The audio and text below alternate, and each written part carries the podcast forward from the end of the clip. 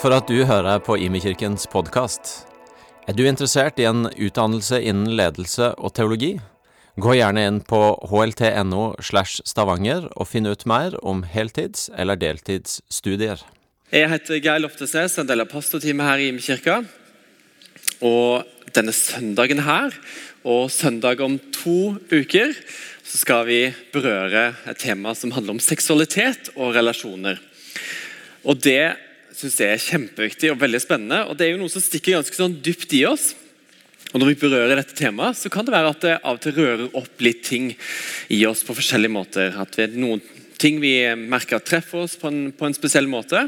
Og Det er jo fordi at det, det treffer dybden i oss. Og da har jeg lyst til å si at Det er helt naturlig, forståelig. eh, Og vi har så lyst til å ta godt imot det hvis du kjenner at dette treffer deg på en eller annen måte. Da har vi, Her i IMI så har vi noe som heter IMI veiledningssenter. Eh, hvor folk eh, kan komme hvis du ønsker å ha en samtale med noen og, og gå en prosess med noen andre. De er trent i det, veldig flotte folk. Og så har vi òg eh, eh, forbønn på slutten av gudstjenesten. her. Det kan du bli bedt for hvis man ønsker det. Og så Det er jo mulig å bare komme med innspill og tilbakemeldinger hvis du tenker på noe. Og så En annen ting som jeg hadde lyst til å bare si helt sånn i introduksjonen, er at det er ikke enighet som fører oss sammen og holder oss sammen som menighet. Det er Jesus. Halleluja! ikke det fantastisk? Det syns jeg vi skal glede oss over. Så Poenget er at kirka vår rommer mange forskjellige meninger. Òg det som har med Gud og, og Jesus, Den hellige ånd, troa og kristenlivet å gjøre. Eh, om du skulle være sterkt uenig med noen andre i dette rommet, her, så har jeg bare lyst til å si at du har veldig godt av å fortsatt være i dette rommet. Fortsatt tilhøre dette fellesskapet. Og øves i å elske hverandre, selv om vi tenker ulikt. Jeg takker deg, gode far, for at du er her, at du fyller oss opp med din ånd. At du kjenner oss fullt ut, vet dybden i oss, vet alt i oss. Ingenting som er ukjent for deg med oss. Og så elsker du oss. Kom og møt oss og vær oss nær. Amen. Vår evne til å knytte oss nær andre mennesker, til å oppleve nærhet og intimitet, eller vår seksualitet, seksualitet den er ikke lenger slik sånn som Gud hadde tenkt det da han skapte verden og skapte Adam og Eva. Og alt var bare godt. Og Enten man tror på Edens hage og den historien der som en sann, ekte historie, eller en figurativ historie, så er det sånn at vår seksualitet har blitt forkludra hos oss alle da Adam og Eva spiste av frukten, og på den måten viste at de ikke stolte på Gud, eller ville stole på Gud. Og Helt siden da så har den perfekte verden så ble den perfekte verden bli ødelagt. Og nå lengter vi etter himmelen, hvor alt skal bli perfekt igjen. Men sånn er det altså ikke nå. Helt siden det som vi kaller syndefallet, så har vi levd i en skeiv verden, om du vil. Ting er litt på skakke. Ting er ikke sånn som det var meint til å være. Og Det opplever vi på veldig mange forskjellige måter i denne verden. Vi opplever det i alle former av ondskap. ikke sant? Uro, at, eh, at det er ustabilitet, at verden er ikke helt i orden eller på plass osv. Og I denne her skeive verden så har vi alle erfart, erfarer eller kommer til å erfare sorg og smerte. Yay, det var gode nyheter! Da ble vi glade. Men, men, det er sant. Sånn er det i denne verden. Vi kan gjenkjenne det. Vi sårer, og vi blir såra. Og noe av det som er, har blitt veldig Et perspektiv som er blitt veldig sånn glad i på en eller annen merkelig måte, er at, eller funnet trøst i at ok, vet du hva, vi er alle broken people. Vi er alle mennesker som på en eller annen måte er litt ødelagt. Og Det er ikke meningen jeg har oute staben vår, men jeg har bare tenkt på det når en del av staben her i min kirke. at vet du hva? Her er det mange med, med her er vi jo alle mennesker. så Alle i staben her er broken people på en eller annen måte. Vi har eh, en, en, historie gjerne som, eh, eh som er brokete, og vi har opplevd ting som er vanskelig, og vi strever fortsatt med ting. Sånn er det. Så hvis du er her og krever ledere som har hatt en perfekt fortid eller lever perfekte liv, da er dessverre ikke Imi-kirka stedet for du. For vi òg er broken people. Men så stopper det heldigvis ikke her. Det var ikke der det var et punktum, dere. Det stopper ikke der. For Gud han er en mester på gjenopprettelse til å sette oss sammen sånn som vi egentlig faktisk var skapt til å være. Han er skikkelig god på det. Ingen er for ødelagt til at Gud ikke kan helbrede og lege. Han er tidenes lege. Og Det er mange som har erfart dette, erfarer dette, eller kommer til å erfare dette, og jeg er en av de. Takk, Gud Jeg elsker bildet på at kirka det er flere som bruker dette her, at kirka er et bilde, et, nei, bilde på kirka som et sykehus. Eller et himmelsk hospital, som Irena har kalt det. Men nettopp fordi vi vet noe av hva det vil si å være menneske, så er det òg god grunn til at kirka skal være et enkelt og trygt sted å komme ut av skapet med all vår synd, skam og skyld. Uansett hva det måtte være. Jeg sier ikke at vi skal dele alt med alle sammen, men at vi skal kunne kjenne trygghet på at her er det noen som kan Når jeg deler noe av dette, her, så, så kan, jeg, kan, jeg, kjenne at her, her blir jeg tatt imot. Fordi dette kjenner vi igjen. Og Det er jo fordi at det, det er en del av troa vår at vi er syndige mennesker alle sammen. Broken people som Gud gjør hellig. Han helliggjør oss, og som Jesus har gjort hellig gjennom det han gjorde på korset. I dag så har jeg noe på hjertet i forhold til det som har med skeiv seksualitet å gjøre. Eh, og Det har jeg kjent på over en god stund, eh, og jeg skal få dele det i dag. Og jeg vet at eh, når jeg berører dette temaet, så det første definisjonen av, av, hva jeg skal berøre, hva det er for noe. Jeg kommer oftest til å snakke om det som har med likekjønna tiltrekning og likekjønna parforhold å gjøre. Men så henger ting litt sammen likevel. Og så vet jeg at det er utrolig mange vinklinger og nyanser når man stuper inn i et sånt tema som dette her. I hvert fall i den tida vi lever i nå. Og det er egentlig sånn at eh, Når jeg deler noe, så har jeg en gitt tidsramme. og Det klarer ikke helt å stå seg alene. fordi det, Man må egentlig pakke det ut mye mer og lage en større ramme. Men, men, jeg skal prøve så godt jeg kan og ha nåde med meg for at jeg ikke klarer å berøre alle nyanser. Vi kunne snakke om, om, alle de ulike teologiske meningene som er der ute, og hvorfor, hva som går an å tenke om det. Vi kunne snakke om eh, hva vi mener som kirke, hva vi tror på, og hvorfor vi gjør det. Og vi kunne berørt kulturen vi lever i, og hvorfor den har endt opp sånn, og hvorfor vi har kommet der hvor vi er nå, og har de verdiene som vi har.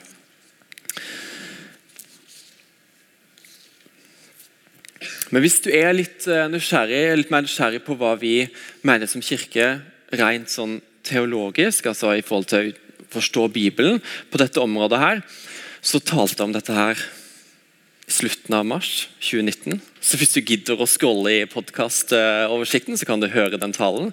Kanskje jeg hadde formidla det på en litt annerledes måte i, i, nå, fordi vi er underveis og i utvikling. Um, men òg ta kontakt med oss hvis du lurer meg på det. Men jeg har, eh, kort så har jeg lyst til å si at vi som kirke tror på en tradisjonell bibelsk forståelse av ekteskapet mellom mann og kvinne. Og, det, og at dette her er rammene for sex. Og Dette her er det sånn forskningsmessig på verdensbasis ganske stor enighet om når det gjelder sånn rent bibeleksegetisk, altså å forstå og tolke bibelteksten i seg sjøl.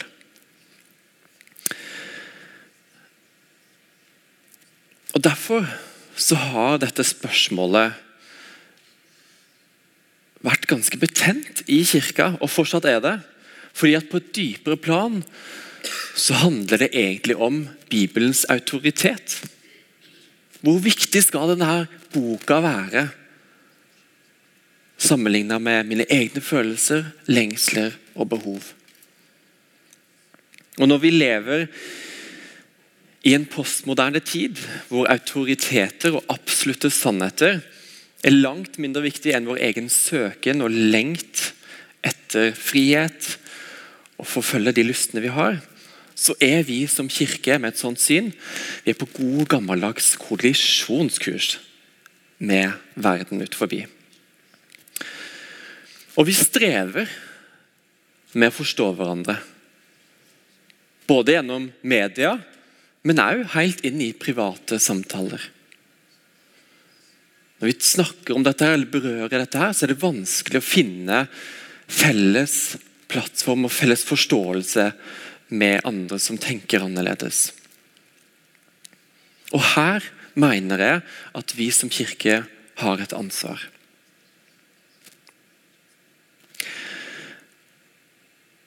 Det finnes mange gode historier om hva enkeltmennesker i kirka har gjort opp igjennom i møte med mennesker som er skeive, eller definerer seg som skeive, eh, eller tiltrukket av samme kjønn. Det gjør det faktisk. Men kirka har òg gjort mye feil. Vi har tidvis vært mer opptatt av å forsvare dogmene og det vi tror på, enn å lytte oss inn på mennesker. Sannhet har fått stå sterkere enn nåden, selv om disse er meint til å henge sammen og holdes sammen. Og Tidvis skulle jeg ønske at jeg kunne spole 50 år tilbake i tid og at vi som kirke kunne prøve på nytt. Tenk om vi helt fra da av var kjent for å være et folk som elska de skeive, da de ennå var marginaliserte og utstøtte fra resten av samfunnet. Fortsatt gjerne med de samme teologiske synene som vi har på ekteskapet nå, men det hadde vært langt mer troverdighet når vi nå prøver å fortelle og vise akkurat dette her. Og I den grad det er til hjelp, så vil jeg på vegne av kirka be om tilgivelse for de feiltrinnene vi har gjort opp gjennom kirkehistorien vår. For vi vet at disse erfaringene fortsatt preger holdninger og verdier som vi har i dag.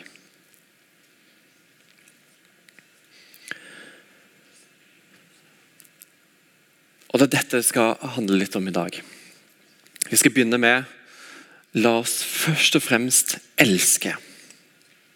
Skal snakke i tre kategorier på det punktet, og vi begynner med mennesker som ikke er en del av kirka. For Den største sorgen min på dette området her er at vi som kirke ennå ikke har klart å bygge en bro til mennesker som har disse her lengslene. Og spørsmålet hvor langt er vi villige til å strekke oss ut av komfortsonen for å vise at vår kjærlighet er ekte? Kan det være at Gud òg kaller oss på dette punktet til å gå ut? Paulus han utfordrer kraftig på hvordan det ser ut å bygge en bro. Vi skal høre fra 1. Korinterne 9, vers 19 og videre.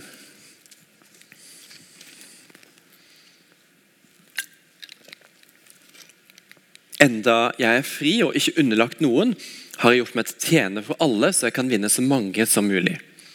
For jøder har jeg vært som en jøde for å vinne jøder. For den som er under loven, lever jeg som jeg var under loven, for å vinne dem, ennå jeg sjøl ikke er under loven. For den som ikke har noen lov, så lever jeg som jeg var uten lov, for å vinne dem, ennå jeg ikke er uten lov for Gud, men er bundet av Kristi lov. For de svake så har jeg blitt svak, for de svake. For alle så har jeg blitt alt, for på alle mulige måter å frelse noen. Men alt gjør jeg for evangeliets skyld, så jeg sjøl kan få del i det. Paulus skriver at han lever som jøde for jøde og greker for greker, så er det et sånt prinsipp vi bruker. For at i hvert fall noen skal bli kjent med Gud og bli frelst. Hvordan ser dette her ut i møte med mennesker som eh, definerer seg eller sin seksualitet som skeiv? Homo for homo, hva betyr det for noe? Hvordan nærmer vi oss mennesker som har et annet verdisett, gjerne, en kultur og tradisjon? Hvordan kan vi nærme oss dem med en ydmykhet? Hvordan kan vi komme inn som gjester i andres kultur, lytte oss inn og prøve å forstå deres tankesett? Sånn at vi kan formidle og vise noe av evangeliet, de gode nyhetene, rett inn i det. Den første utfordringa. Og så la oss først og fremst elske på vei inn i kirka. Vi tror på belong, believe, become-prinsippet. At vi legger opp til at rekkefølgen for mennesker på vei inn i kirka er tilhørighet, tro og transformasjon. Og det var redningen for meg òg. At jeg fikk tilhøre et sted først, og etter hvert bli kjent med Gud. Og få livet mitt forvandla. Folk skal få tilhøre først. Og Her mener jeg at det er kanskje noe av det vanskeligste spørsmålet for kirka vår akkurat nå. Hvordan kan vi hjelpe mennesker som f.eks. lever i et likekjønna parforhold, til å finne tilhørighet i kirka, så det òg kan være deres vei til tro. Og ikke minst, Hvordan ser dette ut i møte med barn og unge som ennå er i utvikling og er underveis, men opplever avvisning gjennom hva kirka tror om ekteskap og sex? Bare gjennom at de vet hva vi står for, erfarer de avvisning. Her utfordres vi til å jobbe godt relasjonelt og kommunikativt. Vi må legge opp til at tilhørighet kommer før tro, og troa kommer også før vi kan forvente transformasjon. Med andre ord, Vi kan ikke forvente at de som ikke tror på Gud, skal velge en kristen livsstil, eller skal leve på en kristen måte. Andre Korinterne 3,16 så kan vi lese at mens, nei, Men når de vender om til Herren, blir sløret tatt bort. Herren, det er Ånden. og der hvor, der hvor Herrens ånd er, der er frihet. Og vi som uten slør for ansiktet ser Herrens herlighet som i et speil, vi blir alle forvandla til dette bildet. Fra herlighet til herlighet. Og dette skjer ved Herrens ånd. Som kirke tror vi på dette. her. At det er gjennom Guds nåde og gjennom hans kraft at vi òg blir forvandla og får lyst til å ta gode valg. Og får den kraften til å ta de gode valgene.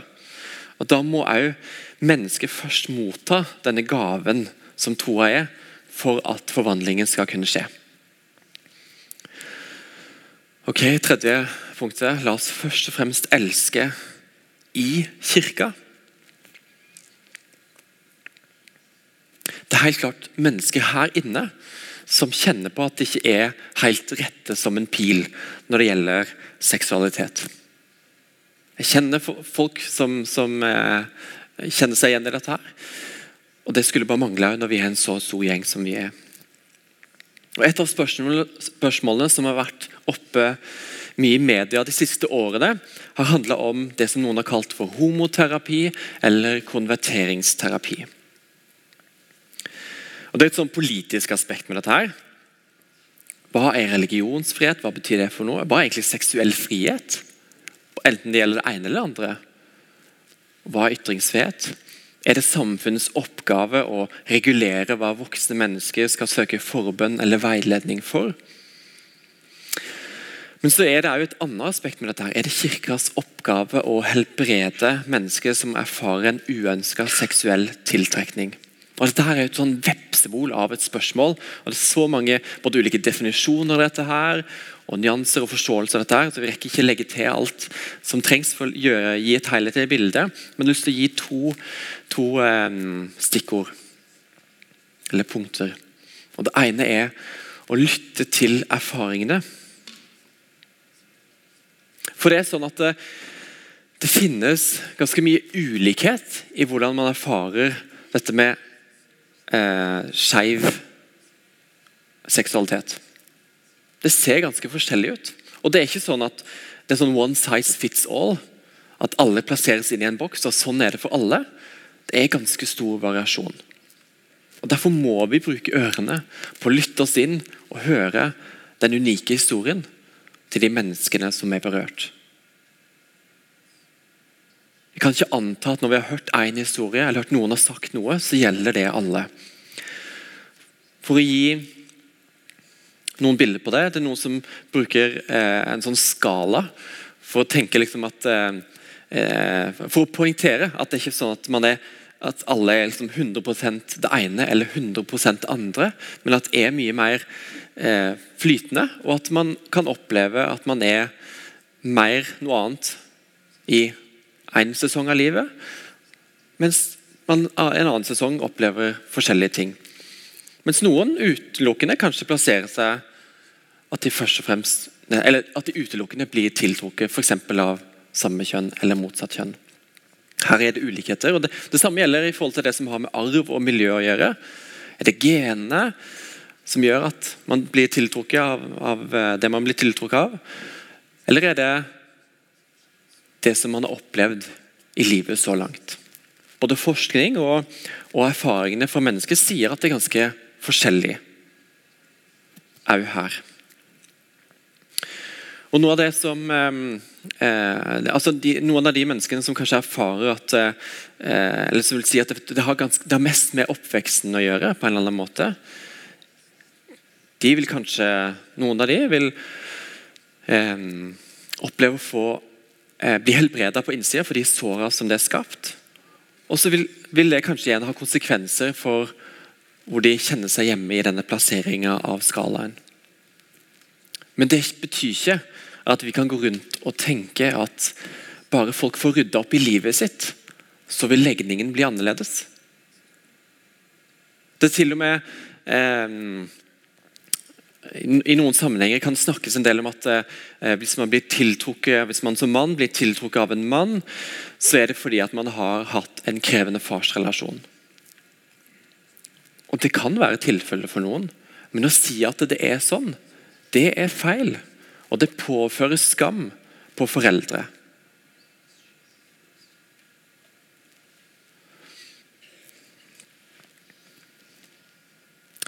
Ei som heter Deborah Hirsch, har skrevet en bok som heter 'Redeeming Sex'. og Hun forteller om sin egen vandring i dette. her. Eh, hun har vært selv i lesbisk forhold, er ikke det nå lenger. Gift med en mann. og Hun sier at hun, hun har aldri hun har aldri hørt om noen hun har møtt mange som eh, har disse erfaringene, hun har aldri hørt om noen som har vært 100 utelukkende det ene, og gått fra det til å bli 100% utelukkende det andre. Jeg sier ikke det er en sånn absolutt sannhet, men jeg, jeg synes det er interessant. Apropos det å lytte til erfaringer. Um, Exodus International det var en uh, paraplyorganisasjon i USA for mennesker som hadde uønska seksuell tiltrekning. Og De søkte å, å um, på en eller annen måte helbrede dette, her, de fleste av de organisasjonene. Denne organisasjonen ble nedlagt i 2013. Fordi når de var helt ærlige med seg sjøl, så var ikke dette her riktig, det de holdt på med, og det de sto for.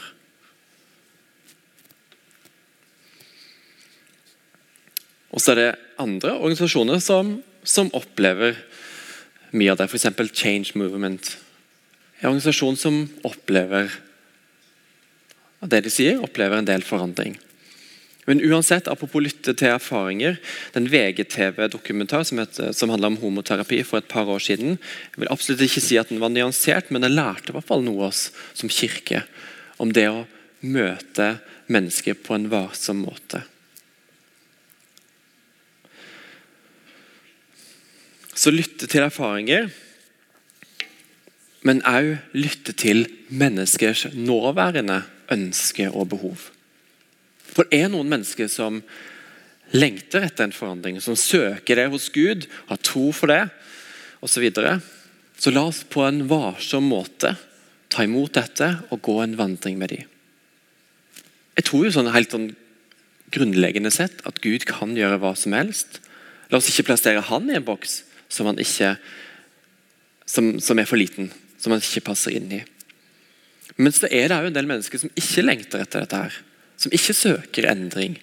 Eller kanskje har gitt opp å søke endring og er mest opptatt av å bruke energien sin til å finne ut av hvordan de kan leve godt og sant og sunt med den tiltrekningen de har. Ergo det er jo mange som ikke har dette som et mål, at det skal forandres. Og Da må vi som kirke òg slutte å ha dette her som et mål på vegne av andre mennesker.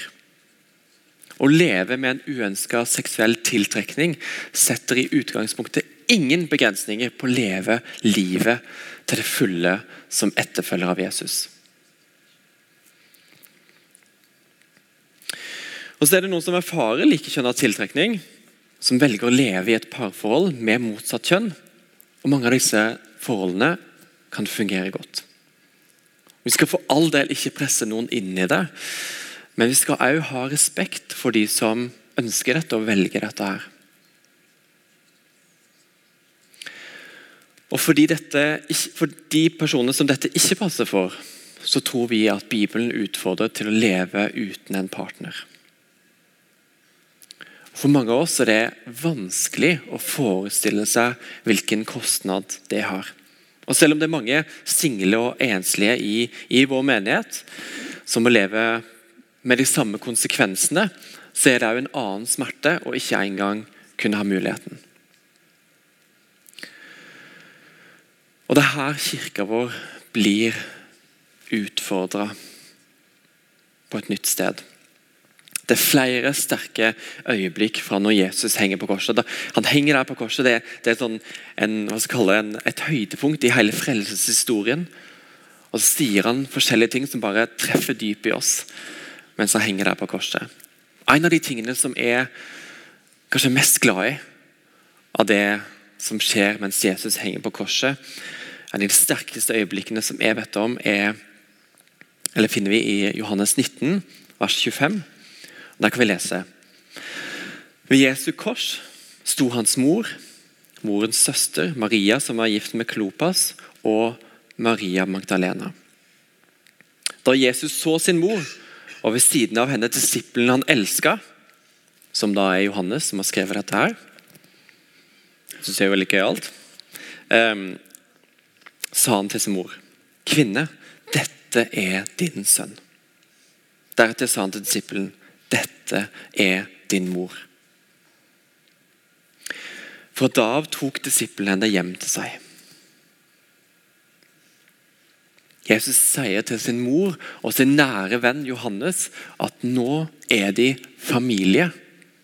Nå er de familie. Jesus innstifter familien på ny. Familie det er litt sånn sårbart begrep som mange gjerne skyr litt i menighetssammenheng. Selv om Bibelen bruker det ofte. Og Derfor bruker vi det her i IMI en del, fordi at vi, vi, tenker per definisjon Guds definisjon at vi er familie, og så skal vi bli det enda mer. Så da kan vi like gjerne bare snakke om det først som sist. Men uavhengig av begrepsvalg hvordan ser dette her ut? Å være familie. Som kirker i den vestlige verden så er mange av, av kirkene kjent for å verne om kjernefamilien. Og For å sette det litt på spissen jeg er usikker på hvor bibelsk det egentlig er. For om mennesket ikke har en familie, eller kan stifte en egen familie, hvilken familie skal de da tilhøre? Jo, jeg tenker jo at vi er en familie i storfellesskapet her. Men hvem skal de leve med i hverdagslivet som familie? Nære relasjoner og forpliktende tilhørighet det er noe vi alle er skapt med en lengsel etter som alle har behov for, for å bli dekt av disse lengslene på en eller annen måte. Nære relasjoner og forpliktende tilhørighet.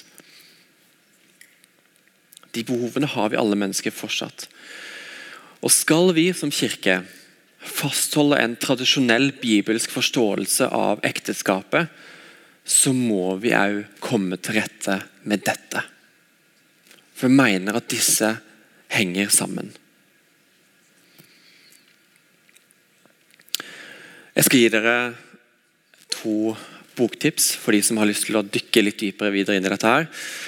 The Still Time to Care av Greg Johnson og Redeeming Sex av Deborah Hirsch. Begge disse har uh, selv erfart dette her og um, formidler utrolig godt om et komplekst tema. Og så vil jeg gå mot avslutning med å dele en historie som jeg ble fortalt tidligere denne uka. Og Jeg har ikke, jeg har ikke lest denne boka sjøl, men jeg har fått, eh, jeg har fått det gjenfortalt. Og Det er Narnia-forfatteren C.S. Lewis som eh, har skrevet en bok som heter 'The Magician's Nephew'. Og Det handler om Diggory, som har en syk og døende mor og havner i et magisk rike. Og Her møter han etter hvert løven Aslan, som vi kjenner gjerne fra Narnia, og som er, blir tolka som et bilde på Jesus. Og Diggory han tar mot til seg, og så oppsøker han løven for å spørre om det er noe han har som kan helbrede mora si. Men Aslan svarer ikke. Og En gang seinere så, så brister Diggory i gråt og spør Aslan innstendig om det ikke er noe løven kan gjøre for mora si. Og Til nå så har Diggory først og fremst fokusert på potene og de, og de eh, svære klørne. Litt sånn i ærefrykt for denne løven, Aslan. Men nå, i fortvilelse, så, så kikker han opp og ser Aslan i fjeset. Og Nå skjer det noe som overrasker Diggory på en måte som aldri har skjedd før i livet. Han får se Aslan sine øyne fulle av store, klare dråper. Og Da forstår Diggory at Aslan faktisk er mer lei seg for morens tilstand enn det han sjøl er. Han får likevel ikke svaret som han eh, håper på umiddelbart, men etter hvert så blir mora helbreda. Apropos dette her med sykdom og smerte, som vi hørte i denne historien. Vi lever i en skeiv verden. Men vi tilhører òg en god Gud i denne skeive verden. Som har langt mer omsorg for andre enn det vi sjøl klarer å ha. Og som elsker oss langt mer enn det vi klarer å ta imot. Og som kjenner og forstår dybden i oss mye mer enn det vi er i stand til å klare sjøl. Impuls har gitt ut en sang som brukes i ganske mange kirker rundt forbi Norge, som heter 'Aldri går du fra meg'. Og Et vers i denne sangen går sånn som det her. Dagen skal komme når jeg får se deg, strålende prektig, mektig og god. Endelig hjemme skal jeg få se at du var med i bølgedaler, ja, på hvert et sted. Jeg tror ikke det er sånn at når vi kommer til himmelen, så vil vi kunne se at livet vårt passerer i revy. Og vi forstår alle ting som har skjedd i løpet av livet. Jeg tror ikke det er sånn det kommer til å være når vi kommer til himmelen. Men vi kommer til å kunne se inn i Jesu øyne og forstå at ingenting kan overgå den kjærligheten som han har for oss. Han, villig gjøre, han var villig til å gjøre hva som helst for å demonstrere han inntil sin egen død. Vi kommer ikke til å få en gjennomgang av livet hvor vi ser alle de gangene som Gud faktisk var med oss, som vi var i tvil på. Men vi kommer til å se Jesus sånn som han er, og forstå at han absolutt ikke har det i seg å forlate oss et eneste sekund. Dette her er Jesus. Dette er den Gud som vi tror på som aldri slipper oss eller forlater oss. Her finnes det håp. Uansett hva vi måtte gå gjennom i dette livet her, her finnes det håp. Midt i denne her forkludra verden. La oss reise oss opp.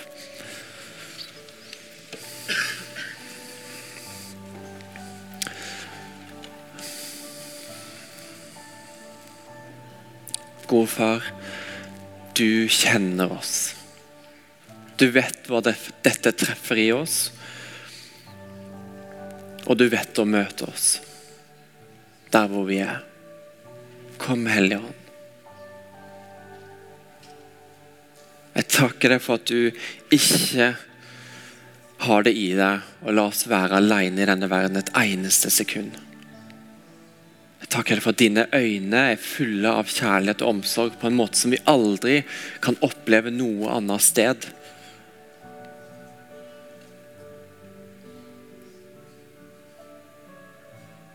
Men vi ber, vi vet at vi en gang skal få se det i himmelen. Vi ber allerede nå vis oss mer av din kjærlighet. Vis oss mer av din omsorg for oss.